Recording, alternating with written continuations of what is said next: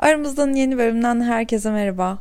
Şu anda aslında yazmak için geldiğim bir oteldeyim Edremit'te. Çok seviyorum bu bölgeyi biliyorsunuz beni uzun zamandır takip ediyorsanız. İnanılmaz enerjisini, huzurunu, her şeyini çok sevdiğim, bana çok iyi gelen. Senede de nasıl oluyorsa iki kez falan geldiğim bir bölge burası. Dışarıda acaba duyar mısınız bilmiyorum. Rüzgar sesleri var. İnanılmaz bir uğultu. Burası da ahşap ve böyle içerisi sıcacık, dışarıda rüzgarın sesi. Yani o kadar huzurluyum ki bu huzuru bir şekilde kaydetmem gerekiyor diye düşündüm. Sonra dedim ki ben bir podcast kaydedeyim zaten ama yani buraya aslında çalışmaya geldiğim için kafam ağzına kadar dolu. Yani yeni bir şey düşünmeye mecalim yok. O yüzden de aklıma şöyle bir fikir geldi. Dedim ki ben bizimkilere sorayım sormak istedikleri şeyleri göndersinler. Ben de bir soru cevap podcast yapayım dedim. Çok da güzel oldu. Acayip güzel sorular göndermişsiniz. Şimdi sorulara geçeyim. Doğru insan olduğunu anlamak diye bir şey var mı? Doğru insan olduğunu anlamak diye bir şey var aslında. Çünkü ya insan olarak ilişkide bazı ihtiyaçlarımız var. Güvende hissetmek istiyoruz. Sevildiğimizi hissetmek istiyoruz. Olduğumuz halimize seviliyorsak, güveniyorsak e, bir de üstüne biz de karşımızdakini çok seviyorsak o bizim için e, doğru insandır. Çünkü e, aşk birazcık yanıltıcı bir duygu. Bir tane öyle bir soru vardı. Ona geldiğimizde daha açık söyleyeceğim. Okuduğum psikoloji kitaplarda da kendi eski terapistimin bana söylediği kadarıyla da aşk birazcık yanıltıcı bir duygu. O yüzden de karşınızdakine tabii ki hani beğenmek ve onun yanında heyecanlanmak istiyorsunuz. Ama bu çok güçlü olduğunda zaten gelip geçici olan bir duygu aynı zamanda da tehlikeli bir yol gösterici oluyor. Yanlış yolu gösteren bir şey oluyor. O yüzden de doğru insan için aşkı olması gerekenlerin arasında koyamıyorum. Diğer soruya bakalım. Fark etmeden kendini ilişkiye kapatmak diye bir şey var mı? Tüm erkekler sadece arkadaşım gibi. Aslında evet var. Ben de aslında bir süredir böyleyim. Çünkü yapmam gereken çok şey var. Ben daha kendimle işimi bitirmedim diye düşünüyorum. İş yapmak bana daha çekici geliyor. Kendime koyduğum hedefler, bunlara ulaşmak beni daha da heyecanlandırıyor bir ilişki yaşamaktansa ama tabii ki kendime bunu tamamen uzun süreli kapatmayı planlamıyorum ama bu dönemsel bir şey. Bahsettiğin şey buysa bütün erkekler arkadaşın gibi ise muhtemelen senin de başka bir hedefin vardır. Ee, ve kendini ilişkiye kapattığında da etraf için görünmez olmuyorsun ama senin için onlar görünmez oluyor. Kusurlu bir yanınla yüzleştiğin ve bunu ortadan kaldırabildiğin oldu mu? Benim çok fazla kusurum var yani hepimizin var. Benim de çok var. Bunlarla sürekli yüzleşiyorum ve bunlarla artık dalga geçiyorum. Ortadan kaldırabildiğim oldu. Şöyle benim yani hep bahsettiğim gibi çok kaygılıyım. Çok sürekli bir endişe, kaygı. Yani bazen öyle durumda oluyor ki ben bir gün evden zor çıktığımı bilirim. Çıkamıyorum evden. Çünkü kendimi o güçte hissetmiyordum. Nedense ya öyle bir şey oluyordu ki öyle bir şey tetikliyordu ki Elim kolum bağlanıyordu. Sanki dünyam kararmış gibi hissediyordum. Halbuki bir sebep yok. Böyle zamanlarım vardı. Bunların hepsinin üstesinden meditasyonla geldim. E, meditasyonu çok seviyorum. Hayatımda çok önemli bir yeri var. Ama meditasyon öner derseniz de bu ben aslında YouTube'dakilerle yaptım. YouTube'da hani iyi hissetmek meditasyonu var bir şeyler var yani güzel olanlar. Mistik Yol kanalının meditasyonlarını seviyorum ben. Onları yaptım. Sonra onların yönlendirmeleri sayesinde imgelemeyi keşfettim. Ve imgelemek meditasyonun en önemli şeyi. Eğer bunu yapabiliyorsanız, konsantre olabiliyorsanız, bir an için gerçekten hayal ettiğiniz yerdeymiş gibi hissediyorsanız bu müthiş bir şey. Birçok şeyden bu şekilde kurtulabilirsiniz. Bunu çok fazla yapıyorum zaten. Çok fazla kusurum var. Başa çıkamadığım, hiç kimsenin başa çıkamadığı, nedensiz olan şeylerle meditasyonla kurtuluyorum. Kusurlarımla da böyle barıştığım ve yavaş yavaş kurtulabildiğim söylenebilir. 8 yıllık ilişkiden çıkıp 5. ayda başkasıyla evlenen erkek canlıya ne denir? Ee, insan denir. İnsanlar böyledir zaten. Yani 8 yıllık ilişkiden neden çıkmıştır? Büyük ihtimalle son bir yılı falan artık hani bitmesi gerektiğini düşünmeyle geçmiştir. Bu kadar hızlı başka bir ilişkiye adapte olduğuna göre. Zaten o ilişki bitmiş onun kafasında. Ee, ve her şey insanlar için yani 8 yıllık bir ilişkiden çıktıktan sonra bir 8 yılda bekar kalmayabilir insanlar. Ee, ben bunlara normal bakıyorum. Eğer o 5. ayda başkasıyla evlenen erkek dediğin e, senin de tanıdığın 5 ay önce de sizin birlikteyken hayatında olan birisi ise gerçekten ayıplarım. Çünkü orada bir yanlış bir şeyler vardır. Ama eğer sonradan tanıştığı biri ise gayet normal. 8 e, yıllık ilişki onu yormuştur ama yepyeni bir heyecan ve artık evlenmeye hazır hissetmesi. Bilmiyorum ya olabilir böyle şeyler. Her şey insanlar için arkadaşlar. Yani herkes her şeyi yapabiliyor. Bunu söyledikten sonra siz de yapabilirsiniz. Yani büyük konuşmamak gerekiyor. Bir ilişkinin bittiğini nasıl anlarsınız ya da bir daha olmayacağını? Bir ilişkinin bittiğini ya ilişki size anlatıyor aslında. İlişkinin içindeyken bir şeylerin bittiğini hissediyorsunuz. Çok derinden hissediyorsunuz. Çünkü ya o, o, o iki tarafın bir tarafı sizsiniz. Bu alışveriş kesiliyor. Siz sadece veren taraf oluyorsunuz e, siz ilgilenen, ilgi çekmeye çalışan, sevgiyi görmeye çalışan, karşıdan gelmediğinde hırçınlaşan taraf oluyorsunuz. Bu noktada bazı şeylerin bittiğini zaten hissediyorsunuz. Hepimiz hissediyoruz. Biraz bekliyorum. Belki kötü bir zamandır. Belki biraz yalnız kalmak istiyordur. Belki beni bile göremeyeceği, görmek istemediği bir zamandır diye. Birazcık bekliyorum. Sonra bakıyorum ki hiçbir şey düzelmiyor. Onu orada tutmaya çalışmanın manası yok. E, o yüzden yollar ayrılıyor. Maddi durum ilişkiye engel midir? Geleceği düşünme açısından seviliyorsun Funda. Sen de seviliyorsun. Evet ya aslında yaşadığımız ülke çok pahalı. Her geçen gün daha da pahalı olan bir ülke. Geleceği düşünmek dediğin evlilikse ya ben şu anda evlenebilecek kadar zengin hissetmiyorum kendimi. Çünkü çok masraflı. Biz bu masrafı başımıza çıkardık bu arada. Hani çat diye gidip nikah kıymak da benim, benim çok işime gelen bir şey. Yani düğün zaten sevmiyorum. Ama bir evi tutmak, o evi döşemek, bir hayat kurmak ya o kadar pahalı ki. Tabii ki maddi durum önemli oluyor bu noktada. Hayal kurmaya gerek yok. Çünkü maddi imkanların yetmediği durumlarda insanlar stresli oluyor ve bunun acısını da birbirinden çıkarıyorlar. Birazcık da hani huzur veriyor gerçekten. Bir noktada huzur veriyor. Maddi durumun iyi olması diyorum. Ne olacak bu yanlış yer yanlış zamanda tanıştıklarımız emek mi vermeli bırakıp mı gitmeli?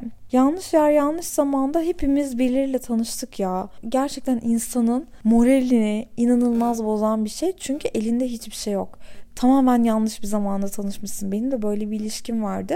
O zaman erkek arkadaşım sürekli tartışmamıza ve sürekli benim hani bir sorunla gelmeme artık en son şey demişti. Ya biz yanlış zamanda çünkü karşılaştık. Evet ya o kadar yanlış zamandı ki yani biz tanıştığımızda 15 gün önce nişanlısından ayrılmıştı çünkü. Ben de ciddi bir ilişkim birkaç ay önce bitmişti. Ve tabii ki o nişanlısından ayrıldığında ilişki yaşayabilecek bir durumda değildi. Çok yorgundu. Ee, ama benimle de olmak istiyordu. Ama onu oturtamıyordu kafasında. Çünkü bir yandan çok özgür olmak isterken bir yandan da benimle olmak istemesi her şeyi daha da kötü yapıyordu. Ee, buna emek vermeli mi? Ya yanlış zamansa çok sabırlıysan bekle. Ama sabırlı değilsen çünkü ben mesela biraz garanticiyimdir yani önümü görmediğim noktada emek vermiyorum. Ama sen eğer daha çılgınsan, daha risk alabiliyorsan ve sabırlıysan bekle çünkü hani yanlış zaman sadece ve yanlış yer diyorsun. Yanlış insan değil yani doğru insan olduğunu hissediyorsan ve o da senin için böyle hissediyorsa bence peşinden git. Her şey çok güzel izlenimi verip bir anda daha fazla devam ettirmek istemiyorum diyen erkek. Of yani. Bay bay. Yani çünkü böyle bir insan seni yorar. Yanlış bir insanı tanımla desen gerçekten böyle bu kadar tutarsız, dengesiz biri olarak tanımlayabilirim mesela. O yüzden verilmiş sadakam varmış. Ne kadar erken bunu belli ettiyse o kadar iyi. O zaman ona bay bay. Senin gibi güzel bir kızın sevgilisi olmak da zordur. İlişkilerinde arızayı çıkaran kim? Benim. Benim. Yani çünkü güzellik de bitmiyor. İltifat için çok teşekkür ederim. Ama güzellik bir ilişki için olması gereken en önemli şey değil. İyi huyluluk, geçimlilik, talepkar olmama bunların hepsi çok önemli şeyler. Ama ben üzülerek söylüyorum ki ilişkide zor bir insanım. Ve o yüzden ben de kendimi tanıdığım için diyorum ki yani ben iyi huylu erkeklerden hoşlanıyorum. Zaten böyle erkeklerden bunlara hayran olduğum için böyle insanlardan hoşlanıyorum. Bu kadar sabırlı, bu kadar tatlı. Ya diyorum hani hiç benim gibi değil çünkü ben kaktüs gibiyim. Ne yapayım kendim gibi insana? Hiç hoşlanmam çünkü kendi huylarımdan da hoşlanmıyorum. E bunun önüne madem geçemiyorum o yüzden tam tersini bulayım. Benle sevgili olmak gerçekten zor ama imkansız değil. İlgimizi hem belli edip hem nasıl cool olabiliriz? E, ilgini belli etmek paspas olmak değil çünkü. İlgini belli etmek e, o sana yaklaştığında senin de ona olumlu cevap vermen. Çünkü o bir işaret arıyor genellikle hani ilk sana yaklaşırken sen de birine yaklaşırken olumlu ya da olumsuz bir işaret arıyorsun arıyorsun. Hani devam etmeli miyim, etmemeli miyim? Aslında bana açık mı, kapalı mı diye. O yüzden ilgini belli etmenin binlerce yolu var. Mesajına hızlıca dönmek, Mesela ilgiyi gerçekten belli eden mesajını saatler sonra dönmek de seninle ilgilenmiyorum demektir aslında. Ama bu sürekli olursa böyledir. Onun dışında ne yapabilirsin? Hani cool bir şekilde belli edeyim dersen onu görünce gülümseyebilirsin. Onunla buluşuyorsan eğer özenli gidebilirsin. Yani bunların hepsi ona olan ilgini belli edebileceğin, çok da üstüne düşmeden çok da böyle hani kulu kölesi olmadan e, yapabileceğin şeyler. 5 yıllık ilişkisi 2-3 ay önce bitmiş. Benden gerçekten hoşlanmış. Ama ilişki bir süre yok asla diyor. Geçiniz Tuğçe ya geçiniz yani 2-3 ay önce bitmiş diye çapkınlık yapmak için ilişki yok diyor. Çünkü ben herkesle çıkacağım diyor.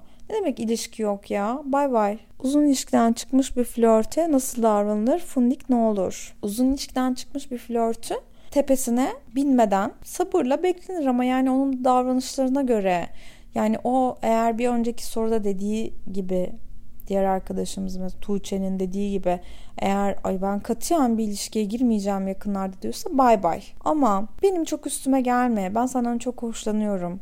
Biz böyle görüşmeye devam edelim ama adını koyalım diye tutturma bana.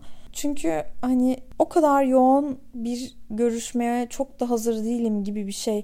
Hani bir makul bir açıklama yapıyorsa ve çok yakında birlikte olacağınızın artık sevgili olacağınızın sinyallerini alıyorsanız bence hiç sorun yok. En detaylı hep detaylı düşünen taraf neden hep biz oluyoruz Franco? Çünkü biz kadınız ya. Kadınlar detaylı düşünüyor. Erkekler detaylı düşünmüyor. Bu kadar basit. Maalesef.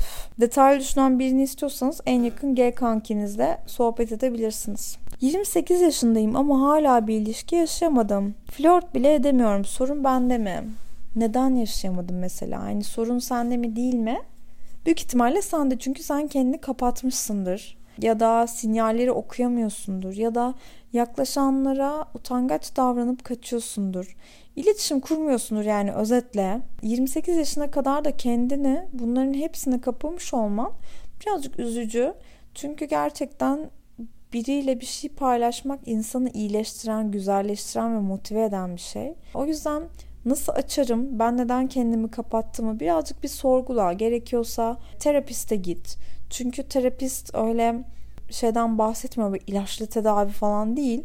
Hepimiz hayatımızda dönem dönem destek aldık, yardım aldık. Çünkü bu insanlar bu işin okulunu okuyor. Şimdi ben sana ne desem, e, bunun esas sebebini ben bulamam.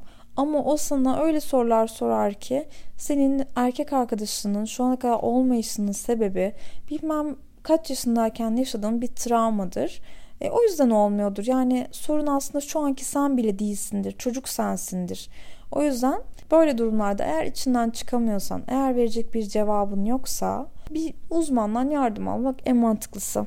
İlişkide taktik uygulamalı mı yoksa içinden geldiğim gibi mi davranmalı? Taktik uygulayın ya. Taktiksiz gerçekten olmuyor. Bunlar anlamıyor.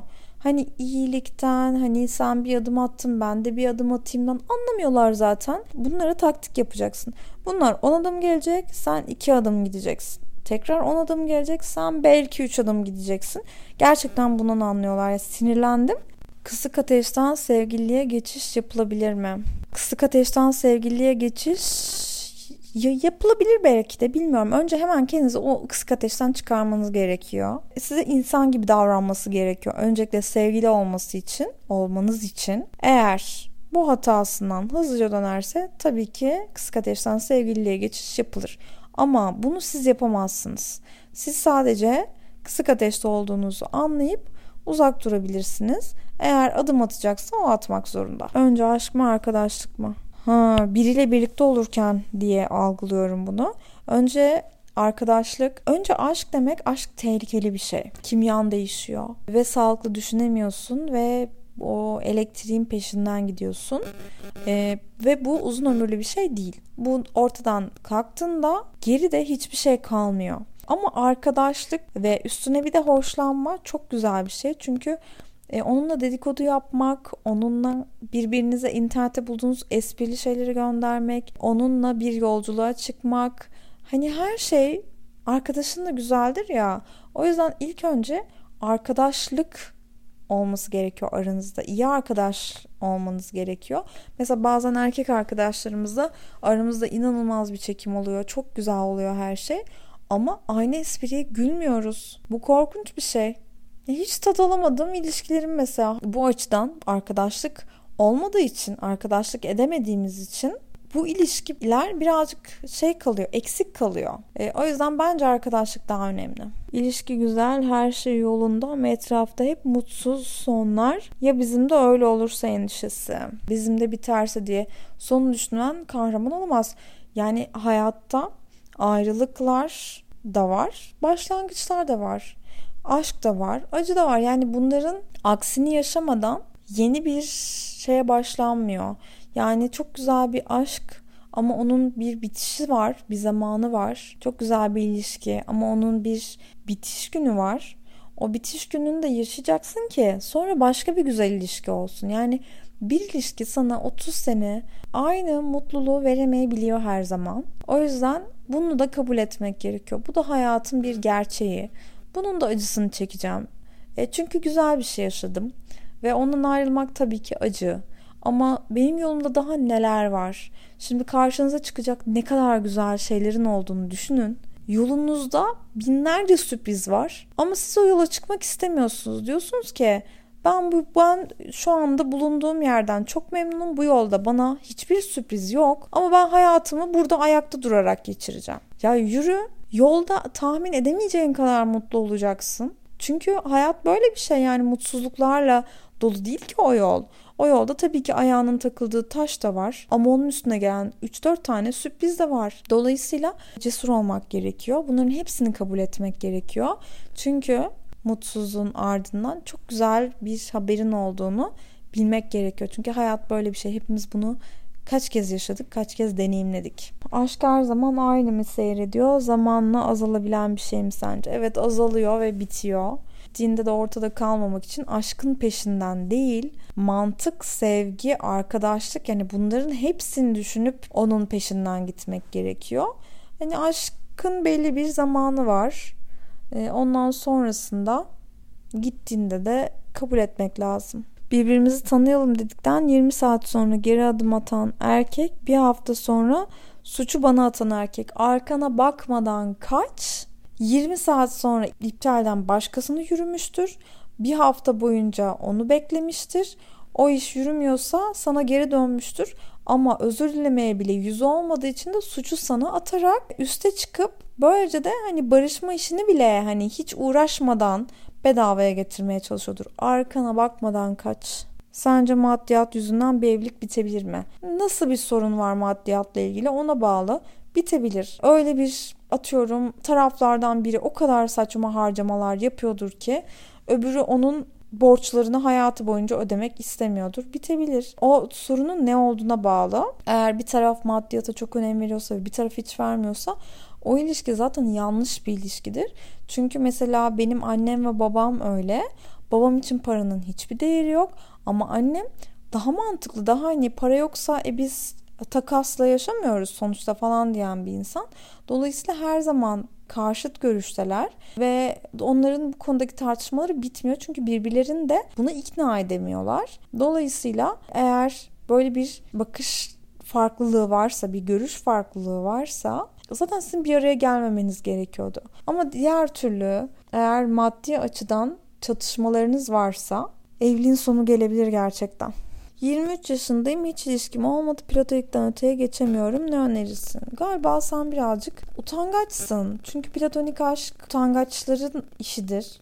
Ben de lise bitene kadar hep platoniktim. Çok utangaçtım. Çok çok utangaçtım. Size anlatamam. Hala da bazen böyle ortaya çıkar utangaçlığım. Ne tepki vereceğimi bilemem falan. 23 yaşında çok da hani hayatının tamamını geçirmiş sayılmazsın. Ama ne öneririm?